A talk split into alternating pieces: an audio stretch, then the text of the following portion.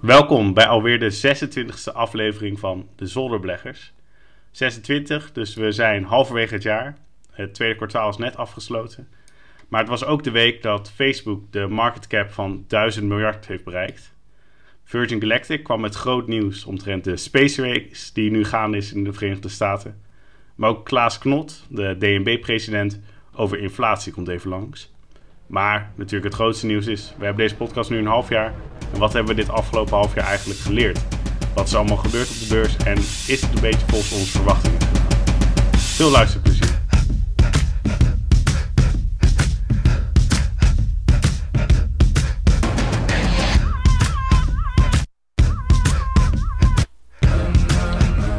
En we zijn deze week weer met z'n drietjes. Julian die was er vorige week natuurlijk niet bij. We zijn deze keer eh, weer met z'n drietjes. Dat was ook leuk, want hè, de vorige keer hadden we ook gelijk technische problemen omdat mijn microfoon er weer ophield. Zo dat dat deze week niet gaat gebeuren. Ja, we gaan zo eventjes de eh, portfolio's in, de artikeltjes langs. En dan gaan we daarna nog eventjes eh, uitgebreid eh, converseren over het afgelopen half jaar. Julian, wil je aftrappen wat er met jouw portfolio is gebeurd de afgelopen week? Ja, ja, we hadden net ook alweer technische problemen. Want ik had zelf mijn microfoon niet aangezet. Dus eh, toen maakte ik wat leuke grapjes dat ik eh, geen geld meer in mijn portfolio had. Omdat ik eh, eh, in to- op Toto heb gezet Nederland-Tsjechië. is niet, niet goed gegaan. Nee, maar dat bleek dus een leugen te zijn. Ik eh, sta op een all-time high, want de meme stocks die doen het weer. Eh, verder is er niks gebeurd, maar mijn eh, tactiek werpt zo zijn vrucht af. Kijk, en de markten staan inderdaad op all-time highs. Volgens mij merk jij dat ook goed in je portfolio, Jan. Ja, zeker. Ik eh, had afgelopen week al even de mijlpaal doorgestuurd dat VWRL door de 100 heen was. En ik vind het toch wel tekenend. Voor de coronacrisis, dus februari 2020, tikte het nog de 89 aan, of 88 of iets dergelijks. Nou, toen stond het anderhalve maand later onder de 60, met eh, de keiharde coronacrash. En inmiddels staat het dus eh, alweer boven de 100, dus zelfs al een goede 10, 15 procent over de vorige piek heen. Ja, het voelt misschien toch wel een klein beetje surrealistisch aan. En ja, straks hebben we ook nog een artikeltje over eh, dat eh, Ryanair heel veel vluchten opent. Dus het geeft misschien weer aan dat eh, ja, het optimisme erin zit, de economie gaat weer open. En de financiële markten lopen erin altijd een beetje voor. In mijn portfolio zelf is deze week eigenlijk niet zo heel veel gebeurd. Behalve dat dus VWRL, die ik vorige week heb aangeschaft, dus al een enkele procent in de plus staat. dus dat is dan wel weer leuk om te zien. Is er bij jou wat gebeurd, Jelle? Nee, maar ik heb wel weer een soort van schoon schip gemaakt. eh, gisteravond toevallig. Van wat ik nou eigenlijk allemaal in portfolio nog wil hebben. En de percentages die ik daarbij zie. eh, zie. Dus eigenlijk, ik ga het nu een beetje daar naartoe werken. Het is natuurlijk lastig om exact eh 25% de VWL te hebben bijvoorbeeld. Maar het is wel iets om eigenlijk het komende volgende half jaar naartoe te werken. En dat ik echt de bedrijven in portfolio heb die ik eigenlijk ook zou willen. En dat ik ze ook heb voor een goede evaluatie natuurlijk. Wat zijn je targets? Van hoeveel bedrijven of hoeveel posities wil je bijvoorbeeld hebben? Ja, ik zal het even. Ik heb ze niet exact geteld, maar ik denk dat ik rond de 15 tot 20 uitkom. Dat is wel vaak, eh, wel vaak wat mensen sowieso willen, volgens mij. Maar dan wel 25% in VWL. En ik denk ongeveer 10% in Bitcoin. En eh, ja, wat er overblijft eigenlijk in de andere 15 tot 20 bedrijven. Ja, netjes. Eh, want heb je dan bijvoorbeeld ook nog doelen met eh, dat je hele portfolio een bepaalde eh, koers-winstverhouding moet zijn, of een bepaalde sector, of een bepaalde weging qua landen? Eh, is, dat, is dat nog iets wat je in je overweging meeneemt? Dat je bijvoorbeeld denkt: Goh, ik wil overweight zitten in de VS, of juist in Europa, of Japan, of in technologie? Nou ja, als ik zo naar het lijstje kijk, dan zit je heel snel overweight in de VS natuurlijk. Maar ik wil wel eigenlijk iets meer ook in Azië gaan zitten. Dat heb ik nu ook amper, als ik even op terugkijk. Ehm, dus dingen als Baba bijvoorbeeld, maar ook Sea Limited komen nu wel voorbij om iets meer ook in Azië te gaan zitten. Eh, natuurlijk ben ik ook al naar VWRL overgestapt om niet alleen maar aan eh, de Verenigde Staten. Het is natuurlijk 4th of July geweest gisteren. Alle memes van eh, de markt op all-time high, lekker barbecue zijn wel voorbij gekomen. Maar het gaat natuurlijk ook een keer weer, ja, weer mis, denk ik, dan in de VS. Laten we naar het eerste artikel gaan. En dat is ook meteen wel eh, gaaf nieuws. Het is eigenlijk heel kort even, maar meer een mededeling. Maar Facebook, ook een Amerikaanse trots, heeft natuurlijk als vijfde bedrijf... en als vijfde bedrijf uit de Verenigde Staten... de 1 trillion in market cap eigenlijk voorbij gestreefd. En we hadden het vorige week ook al eens over iets soortgelijks, Jan. Dus eh, misschien is Facebook wel een volgende kanshebber. ja, ik vind het wel bizar dat dan dus... eh, ja, vorige week is dat een klein beetje eruit gevallen door de technische problemen. Maar toen hebben we vooral eh, Microsoft eh, lang een postje uitgeweid... die de, ja, het, de dubbele mijlpaal heeft bereikt, namelijk de 2000 miljard. En ik vind het allemaal lijf, want Apple en Microsoft zijn dus rustig twee keer zo groot als Facebook. En dan zie je wel gelijk hoe enorm groot die megacaps zijn in de Verenigde Staten. En daarmee dus ook met de wereldkapitalisatie. Ehm, ja, en wat ik dan wel bijzonder vind aan Facebook, die, zijn, die hebben echt even een spurt doorgemaakt, omdat ze volgens mij een federale rechter aan hun kant hadden gekregen bij een rechtszaak. eh, die werd aangespannen om te kijken of Facebook niet opgebroken moest worden. En dat de rechter toen zei van, goh, eh, de beargumentatie waarom het opgebroken zou moeten worden, vind ik wel heel erg karig. Eh, ik zie het nu nog een lange tijd niet gebeuren. En nou, Facebook reageerde daar natuurlijk heel goed op. Jelle? Ja, het ging volgens mij al- allemaal om die Instagram-deal, toch? Instagram en WhatsApp die dan overgenomen werden. En dat Facebook eigenlijk Ja. voor andere succesvolle bedrijven opkocht. Maar eh, inderdaad, ja, die rechter zei van ja, volgens mij is er niks mis mee. En het hing eigenlijk al echt jaren boven Facebook natuurlijk. Van wordt het een keer opengebroken? Eh, dat hoor je ook bij Google, of Alphabet moet ik eigenlijk zeggen. Amazon is er nu ook wat meer over van, ja, moeten die bedrijven niet opengebroken worden? Ik vind eigenlijk gewoon, daar ben ik sowieso heel erg op tegen, maar ik weet niet hoe jullie daarover denken. Ja, zolang het allemaal volgens de spelregels wordt gedaan, moet het allemaal gewoon kunnen. In principe ja, zou je moeten bedenken dat mededinging is bedoeld om de marktwerking juist te verbeteren. Dus dat iedereen een kans maakt om eh, ja, met het beste product, met de beste dienst te komen. En dus ook in te kunnen breken in de markt als dat lukt. Ehm, ja, en zolang dat gewoon mogelijk kan zijn. Wat je bijvoorbeeld ja, je ziet bijvoorbeeld met TikTok, dat bestaat pas vier jaar. En het is nu al gewoon groter dan eh, ja, menig ander social media eh, concern. Ehm, Snapchat is ook booming. Dat heeft natuurlijk wel ietsje langer eh, geduurd. Maar nou, zeker de laatste paar jaar gaat het heel hard. Dus het is maar de vraag of social media met dat network effect alsnog die eh markt naar zich toe trekt. Het valt me wel op Instagram met veel meer advertenties. Dus ik ben eigenlijk wel benieuwd of Facebook hele goede Q2-cijfers gaat laten zien. Puur door die advertentieinkomsten. Julian? Zijn jullie wel eens ge, ge- geïnfluenced door eh, Instagram reclames of Facebook reclames? Nou, mijn vriendin en ik hebben onze vakantie geboekt naar aanleiding van een reclame die voorbij kwam op Instagram. Dus niet per se via een influencer, maar wel omdat dat via een advertentie voorbij kwam. Oké.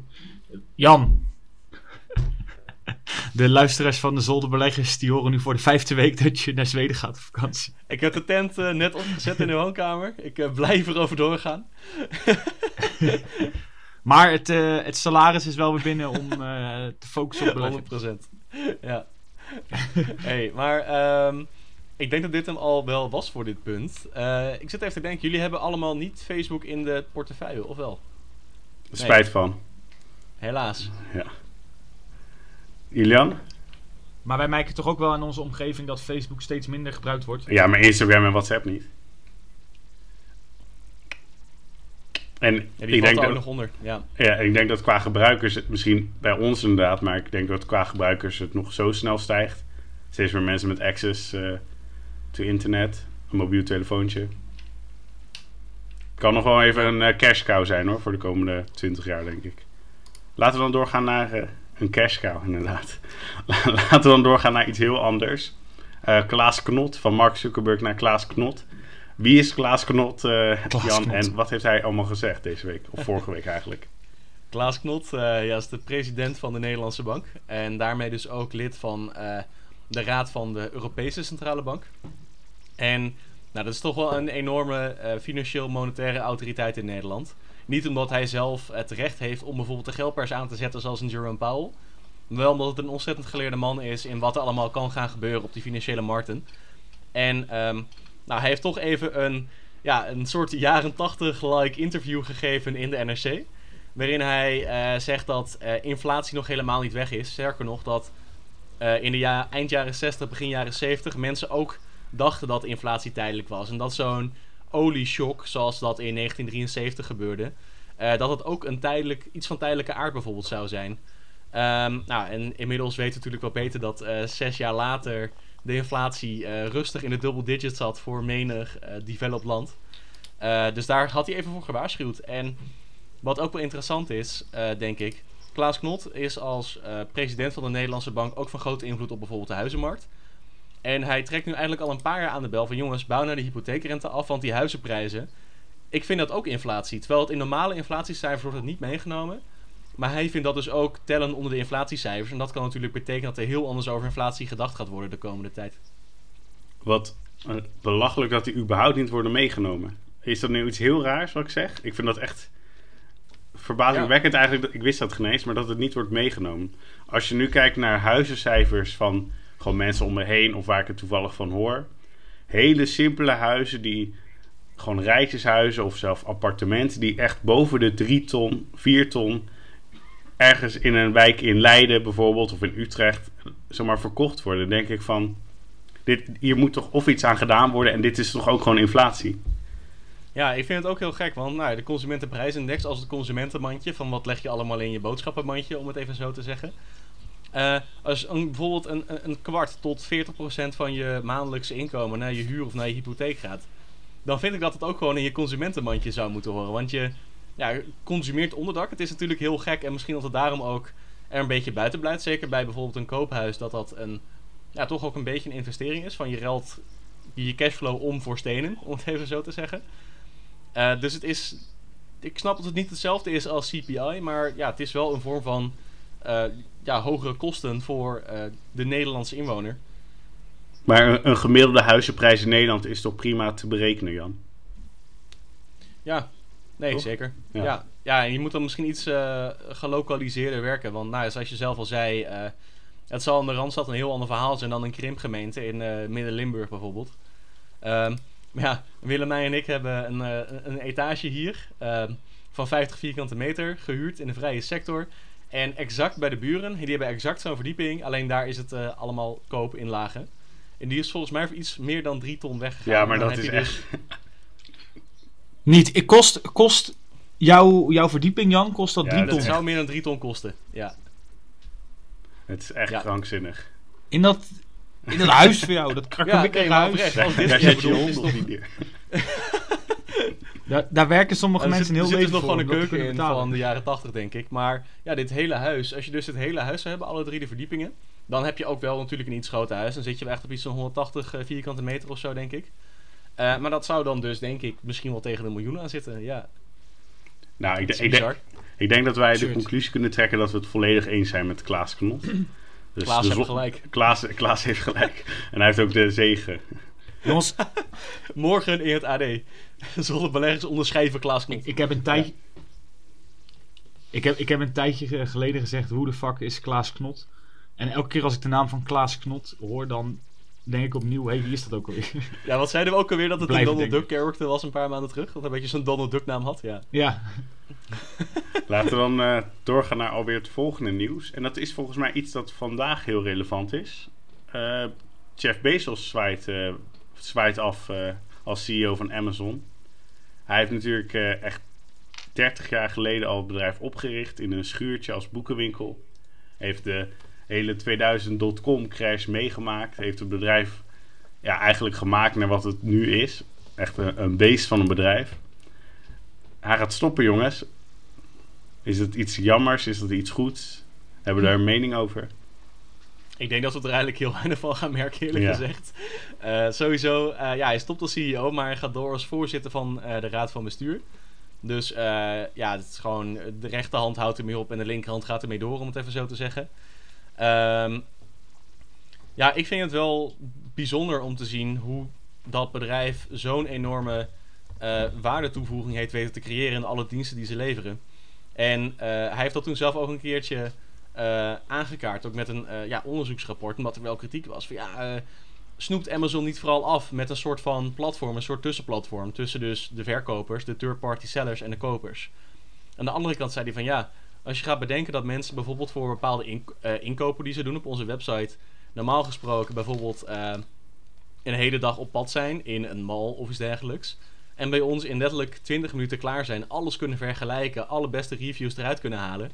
Dan besparen wij mensen gewoon een uur of zes bijvoorbeeld op een dag.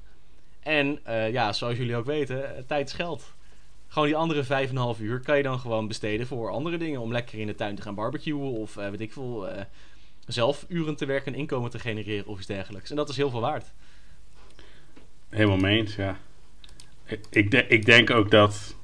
Want dat was een tijdje geleden nog relevant. Of iets relevanter. Maar Amazon natuurlijk en de opmars in Nederland. Tegen bol.com vooral.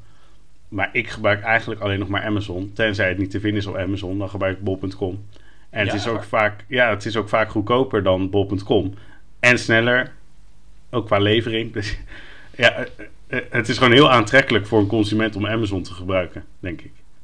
Ik ben er wel benieuwd naar. Ik denk dat ik eh, de komende week even ga kijken naar eh, marktaandeeltjes daartussen. Ik moet zeggen dat ik eigenlijk alleen nog maar, of alleen nog, nog steeds bol.com gebruik. Meer eh, ja, het, eh, wat het baasje kent, zeg maar. Ja, maar eh, dat, eh, ja. ja. Ik denk dat heel veel mensen dat heel lang hadden. En dan, volgens mij, als je dan eenmaal Amazon hebt gebruikt, dan denk je van oké, dit is wel Je weet, dat is ook goed. Alleen dan Ja. voor 10% goedkoper. Ja, dan is het de stap snel gemaakt natuurlijk. precies. Ja. Julian? Vinden jullie levertijd Ja. niet heel belangrijk? Ja, ja, het hangt er vooral vanaf. Van af en toe, zeker voor cadeautjes is het wel eens handig als je te laat bent met een cadeautje. dat je dan... eh, ja. Want ik heb, ik heb het gevoel dat bol.com daar nog veel verder mee voor. Oh nee, eh, ik heb Amazon Prime. Ik krijg alles binnen één dag. Ja? Echt? ja Dan moeten, dan moeten ze beter reclame maken. nog, nog, meer, nog meer influencers inhuren om Amazon Prime Day eh, te promoten. Ik heb, ik heb nog nooit iets besteld voor Ja, Amazon. Oké, dan raad ik het jullie nu allebei aan om... eh, kijk even op Amazon, kijk hoe lang het allemaal duurt. En zeker even niet... een dom iets eh, kopen. Of een Alexa. Ja. Dat je kan Dat lijkt me trouwens dan best wel tof hoor. Zo'n zo'n smart home iets. Ja? Of het nou van Google is of van, eh, van Amazon. En je hebt nog volgens mij van Apple ook nog. Het lijkt me best leuk. Ja, nu vind ik het gewoon niet waard, want ik heb letterlijk twee kamers en een keuken. dus nu vind ik het niet zo spannend. Maar Hey. later zou ik dat wel willen, denk ik. Niet je huis zo klein neer. hè. Het is inmiddels boven de 3 drie ton waard. De markt vindt het heel veel waard. Ja, exact. We, we driften af, jongens. Laten we gaan naar eh, iets wat de luisteraar weer heel erg interesseert. Tesla. En dan zijn alle oren meteen weer gespitst. Julian, er kwam eh, afgelopen week nieuws uit van Tesla. Is dat goed nieuws? Is dat slecht nieuws? Je pakt een verkeerd artikel erbij, Jelle. Want Ik weiger dit te bespreken. slecht nieuws. Nee, ik wilde over Ryanair praten. Zullen we eerst, de, eerst eh, deze doen en dan heel kort... eh, Maar dat is... de- je noemde het nog... Bij de voorbespreking noemde je het non-nieuws. komt dit in de podcast? Dit gaat zeker in de podcast komen. Maar eh, ja, Tesla verkoopt minder auto's in, eh, in Nederland dan vorig jaar. Maar meer in de rest van de wereld. Dat is eigenlijk de conclusie. Doe, doe, je, voor, doe er je voor. Dit is eigenlijk toch best wel goed nieuws. Hadden ze ook niet in Q2 een soort nieuw record met hoeveel auto's eh, geproduceerd hadden of zo? Staat er niet in dit artikel hoor, maar Ja. eh, dit zag ik ook voorbij komen ergens. Dus op zich gaat Tesla in de algemeenheid nog best wel lekker. Maar Nederland die eh, dus iets minder. Jelle, kun jij niet even wat meer duiding geven? Over Tesla? Nou ja, Ja. Je zag eerst dat de grote headlines waren natuurlijk tegen Tesla. Ja, dat is wel vaak zo. Maar nog steeds volgens mij is Giga Berlin en Giga Singapore zijn nog eens op volle productie. Of zijn überhaupt nog niet op productie. Dus dit is nog maar echt het begin van Tesla, zulke nummers. En ik denk ook dat ze nog echt ver vooraan de curve zijn van totdat ze echt recht omhoog gaan qua de- delivery nummers. Het zegt wel iets dat het iets minder populair is geworden. Eh, ik ben benieuwd waarom eigenlijk. En verder 9% voor Nederland vind ik nog heel groot. Dat is eh afsluit. Dat was 9% en het is minder geworden. Hoeveel is het? Vorig jaar was het 9% Hebben we nu een en het is nu, daar komen ze nog... Nu komen ze echt op 2% of 1% maar. Van wereldwijd. Nee, dat, Ja, dat is, Vorig dat, jaar waren dat het is, 9000 en dat was die 9%. En nu staan ze pas op 2500. dat is dus lastig te vergelijken. Van hoe, hoeveel is het groter geworden? En ja, misschien dat alle nieuwe leaseauto's al Tesla's waren. En je gaat niet twee jaar achter elkaar een nieuwe Tesla kopen. Precies. Precies. Zullen we door naar Ryanair U? Dan eh, Ja, kunnen we dit... dat is het relevante. daar, ga, daar ga ik jou ook om duidelijk Oké. vragen. Want eh, het, het vliegverkeer in Europa is weer, eh, is weer begonnen. En dit is iets waar jij heel lang over ge- gepraat hebt. Of tenminste, toen jij begon een tijdje geleden met, eh, met, eh, met beleggen. Toen was dat een inzicht van jou van hey, als dadelijk alles weer open gaat, dan zie je dat dit soort aandelen ook weer eh, naar een normaal prijs gaan. En daardoor kocht jij ze. Ja, en nu draait Ryanair alweer op 72% van de volledige capaciteit. Dat betekent dat ze 5 miljoen vluchten hebben gehad afgelopen maand ten opzichte van 400.000 maar vorig jaar. Ehm, en het aandeel staat ook weer hoger dan dat het was voor de coronapandemie. Betekent dit dat eh, jouw inzicht van toen nu bevestigd is? ik denk het wel, maar ik, wil niet zeggen dat ik een, eh, een nieuw voorspeller ben, want ik denk dat heel veel mensen dit zagen aankomen. En dat vooral ook de acties best wel priced in waren. Want ik heb denk ik eigenlijk al een maand geleden mijn airline stocks verkocht. En die stonden ze hoger dan nu. En dat zegt eigenlijk al, de, de markt loopt gewoon zo ver vooruit. Dat ook al werkt Ryanair op 75%.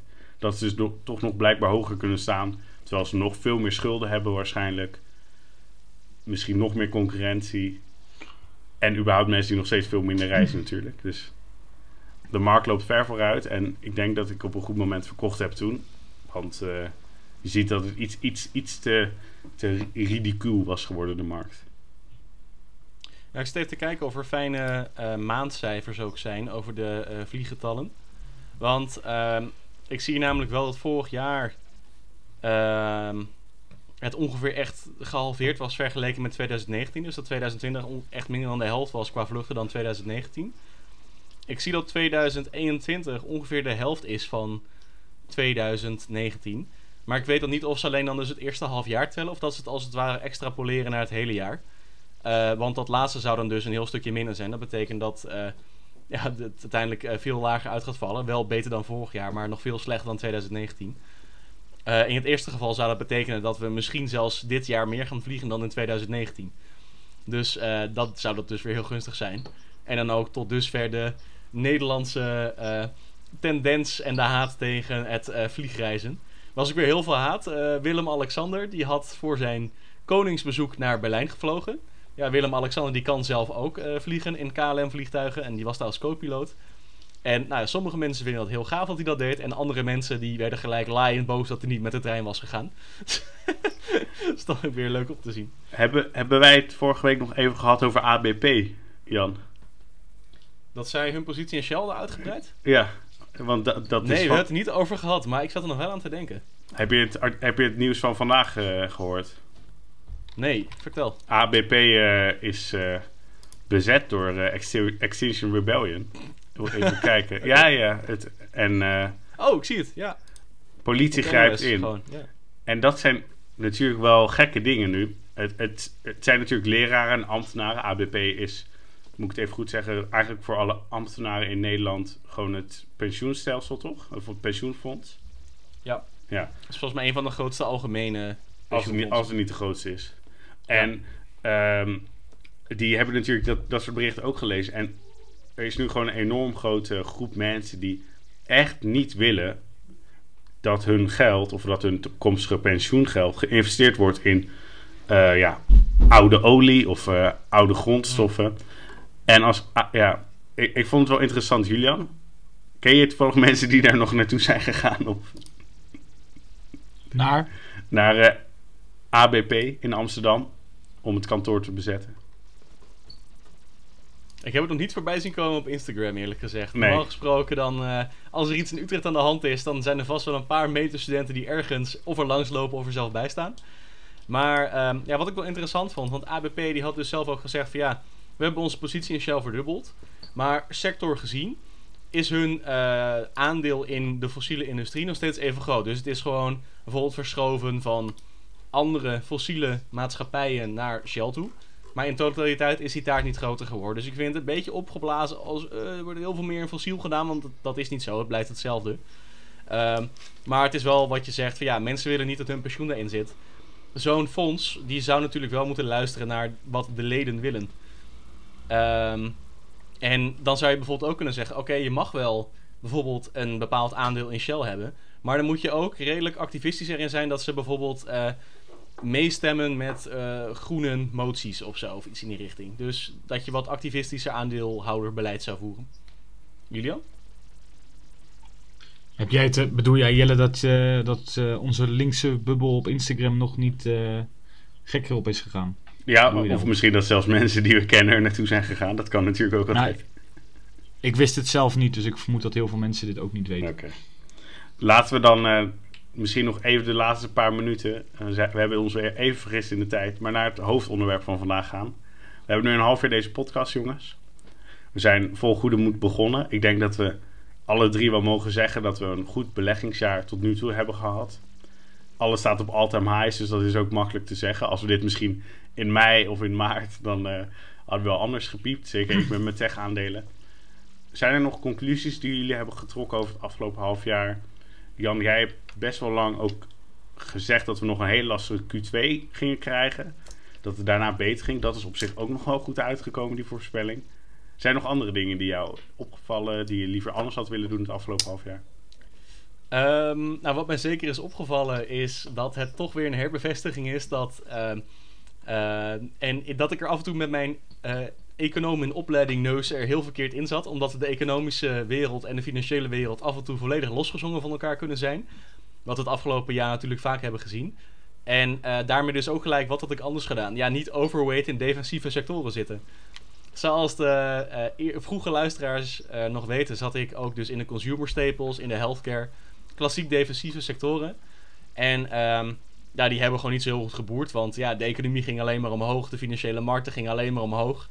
En eh, ja, dat komt omdat die markten vooruitkijken. Dus op dit moment dat dingen nog onzeker zijn en nog steeds, eh, ja, steeds ietsje minder onzeker worden, dat maakt niet zoveel uit. Als mensen denken dat het over drie, vier, vijf maanden een stukje beter gaat en over een jaar helemaal beter gaat. Dus dat zou ik denk ik anders gedaan hebben. Wat zou jij anders gedaan hebben, Julian? Of wat is jou opgevallen het afgelopen half jaar? Dat het een eh, casino is. Kwam dat door je eigen posities of kwam dat door wat anders? Dat kwam daardoor. en dat kwam ook door een gebrek aan kennis. Ik zie het nog steeds als een casino. Dat is denk ik mijn grootste les. En je moet het niet al te serieus nemen. Ehm, wat ik daarmee wel bedoel te zeggen is dus dat al het geld dat ik doe, dat ik dat gewoon kan missen. Dus eh, Jan die zei het aan het begin, als je alles verliest, dan moet het je letterlijk niks doen. En ik ben echt op het punt gekomen, het boeit me ook denk ik helemaal niks als ik het allemaal kwijtraak. Maar ik denk dat dat me dat best wel sterk maakt of zo. Dat is stoïcijns van je. Stoïcijns. Ja. Het komt door, dat, het komt door het boek van jullie jongens. ik heb ervan geleerd. Joe, jij begon natuurlijk dit jaar echt met beleggen. Ja. En je hebt denk ik best wel veel mooie posities. Denk veel mensen die hebben wel dezelfde posities als jij bijvoorbeeld. Maar had jij, als je nu terug moet naar toen je weer begon, niet liever in een eh, ETF alles gegooid? Of had je weer hetzelfde in losse aandelen gedaan? Had je misschien andere sectoren nog meegenomen? Of denk je van, nou, ik vind het eigenlijk wel leuk, die losse aandelen? Ik vind het eigenlijk wel leuk die losse aandelen. Als ik het over had kunnen doen, had ik eh, misschien wat groter in Virgin Galactic. eh, Uh, hindsight Gegaan. is 2020. omdat, ik dat, omdat dat gewoon een soort curve is die op en neer gaat, op en neer, op en neer. En elke keer kun je weer... eh, Volatiliteit. zeg maar, het- ja, en elke keer kun je het nieuwe grapje opnieuw uithalen. En dan kom je weer met een schandalig bedrag kom je eruit. dat is wel toen hetzelfde wat ik met, eh, met Workhorse heb gedaan. En daar ben je op tijd uitgestapt, jeetje. En daar ben ik op tijd Ja. uitgestapt. En daar, daar heb ik denk ik mijn grootste winst op gepakt. Netjes, netjes. Maar met Virgin Galactic kun je ook de trucje opnieuw uithalen. Denk je niet, Jo? Nou ja, die, die testvlucht komt er natuurlijk aan. Ja, maar die gaat dan weer niet door. Dan keldert hij weer. Nee, weer moet het, het is trouwens geen testvlucht. Ik moet even goed zeggen. We hebben natuurlijk één goede testvlucht gehad. En toen kregen ze die approval. Daar hebben we het vorige week nog even kort over gehad. En nu gaan ze 11 juli echt naar de space. En Richard Branson, de CEO van Virgin, gaat ook mee. En die gaat gewoon winnen van zowel Jeff Bezos als Elon Musk. En ik denk als dat helemaal lukt en je hebt een livestream op YouTube, op Twitter, op Facebook. Dat had Virgin Galactic ervoor ook niet. Ik denk dat ze een hele grote stap gaan nemen. Wat zou jij eh, eigenlijk anders gedaan hebben, Jelle? Je had natuurlijk net eventjes aan het begin even verteld over je nieuwe eh, portfolio goals, waar je langzaam naartoe gaat werken. Zoals dingen hoog staan je die gaat verkopen om eh, ja, naar je streefposities toe te gaan. Als je terugkijkt op het afgelopen half jaar, wat, wat had jij anders gedaan of misschien eerder willen doen of helemaal niet willen doen? Ehm, ik denk dat ik nog meer in de recovery place had willen zitten. Hoewel ik dat ook wel... Daar heb ik echt aardige winsten van gehaald. Ik heb natuurlijk de Air- airlines gehad met eh, Southwest Airlines. ING en Shell best wel omhoog meegeklommen natuurlijk. eh, Nordstrom ook gehad. De Amerikaanse kledingzaak. En ik denk dat ik nog wel wat zwaarder, en het klinkt schandalig, maar in de olie had willen zitten. Vooral de Amerikaanse olie, want die zijn echt plus 80% dit jaar. Anyway, Shell-positie is al groot genoeg. Daar heb ik mijn winst al uitgehaald. Nieuwe sponsor, ABP. Nieuwe sponsor. Ehm, achteraf had ik wel ehm, veel agressiever moeten zijn qua maandelijks beleggen. Ik heb nu eigenlijk een te grote cashpositie, maar je zit op all-time highs. Dus dan zit je altijd te twijfelen, is het het waard? En ik denk dat ik gewoon nog strenger maandelijks echt iets had moeten kopen. Ook al ehm, zag ik niet echt grote kansen, maar gewoon maandelijks iets wat een bedrijf wat ik of al had of wat op mijn lijstje stond. Dat ik nu nog, eh, nog meer verzadigd in de markt zat, zeg maar. Zou je daarmee eh, ook dus je target van cash dus ook omlaag schroeven? Dat het eerst bijvoorbeeld 20% was, dat je dat eigenlijk terug wil schroeven naar echt maximaal 5 of 10% of zo? Ja, dat is wel toevallig, want ik heb dit weekend eigenlijk wat over gelezen dat met de inflatie nu, nu gaande is en eigenlijk de S&P 500 en de andere ETF's die zo snel stijgen dat ja, cash is trash. Dat ik eigenlijk gewoon eerder een lagere positie had uh, moeten hebben. En inderdaad gewoon die dips veel meer gebruiken en veel sneller eigenlijk. Het is natuurlijk altijd even wachten, niet een, een falling knife zeg maar vangen. Maar Mm. als aandelen gewoon in een geaccepteerde regio voor je zitten en die zaten ze toen, niet wachten totdat ze weer nog lager zijn. Van oh, misschien over twee weken nog lager. Gewoon eigenlijk erin springen, misschien met 20% van het geld waar je ermee wil inspringen. En dan over dagen heen opbouwen. Dan pak je maar die transactiekosten van 50 cent per keer. Dat maakt ook niet uit dan. En dan heb je wel gewoon een gemiddeld bedrag wat veel lager ligt. Hm. Ik denk dat het inderdaad heel goed is om nog even te benoemen dat eh, cash aan zich niks doet. Maar dat cash hebben wel handig kan zijn voor, nou ten eerste, volgens mij heb je al eerder een, eh, in een eerdere aflevering verteld dat dit niet jouw noodpotje is waar je dan over hebt. Die heb je nog apart staan. Dus eh, dat is ook wel goed denk ik om even duidelijk te hebben. Van zorg dat je in ieder geval een reserve hebt. Stel dat, hè, wat Julian net zei, de hele markt in elkaar zou klappen. Je raakt al je geld kwijt. En je Dus wasmachine gaat kapot. drie tot eh. zes maanden aan eh, expenses gewoon hebt op je spaarrekening of iets dergelijks. Of een ander bedrag dat jij natuurlijk fijn vindt. Eh, en voor de rest vooral groot geïnvesteerd blijft. Met misschien nog een heel klein beetje ehm, droog poeder. Voor als je inderdaad een dip wil kopen. Ehm, als dat iets is wat je wil doen natuurlijk. Yes. Dat was hem denk ik al hè. Oh, en- en Q2 misschien ook- is geweest. Nog Oh, heel sorry. kort afsluitend. De portfolio's van ons worden natuurlijk ook steeds groter. En het wordt wel moeilijker telkens om, om die te, ja, bij elkaar te houden. Tenminste, dat heb ik misschien met meerdere posities. Maar ehm, je cashpositie moet natu- natuurlijk steeds groter zijn. En dat wordt, voelt steeds raarder aan. eh, terwijl je portfolio ook groter wordt. Om nog diezelfde percentage te houden. Dus groei mee met de markt en eh, blijf zelf ook leren. He- heel cliché om achteraf nog even te zeggen. Zou ik nog even volgende week doen? Ja, want Q2 is geweest. Er komen denk ik weer eh, ja, kwartaalcijfers aan. Misschien al komende week dan dus. Ja, dat is dus helaas. Komende week nog niks. Mm. De week erna komt wel aardig weer, wat. Dus de aflevering die eigenlijk snel deze week weer online komt, die, eh, daar, daar eh, komt wat vuurwerk voorbij. Maar dit was het dan voor de 26e aflevering, denk ik. Wil jij het maar afsluiten, Joe? We hebben, zijn een half jaar bezig. Heb je nog wat mooie woorden voor de vaste luisteraar? Zak er maar in. Ik zie eh, een applausje op, eh op Skype. Nee, bedankt voor het luisteren en eh zie jullie gauw bij onze live events. live events in de Ziggo Dome. Nou, dan zeg ik nog wat moois. Bedankt voor het luisteren het afgelopen half jaar. En eh, voor deze aflevering natuurlijk. Volg eh, ons op Instagram, beleg met Omeduo. janvanrijmach.com, u kent het eh, standaard riedeltje. En eh, tot volgende week weer. Jojo.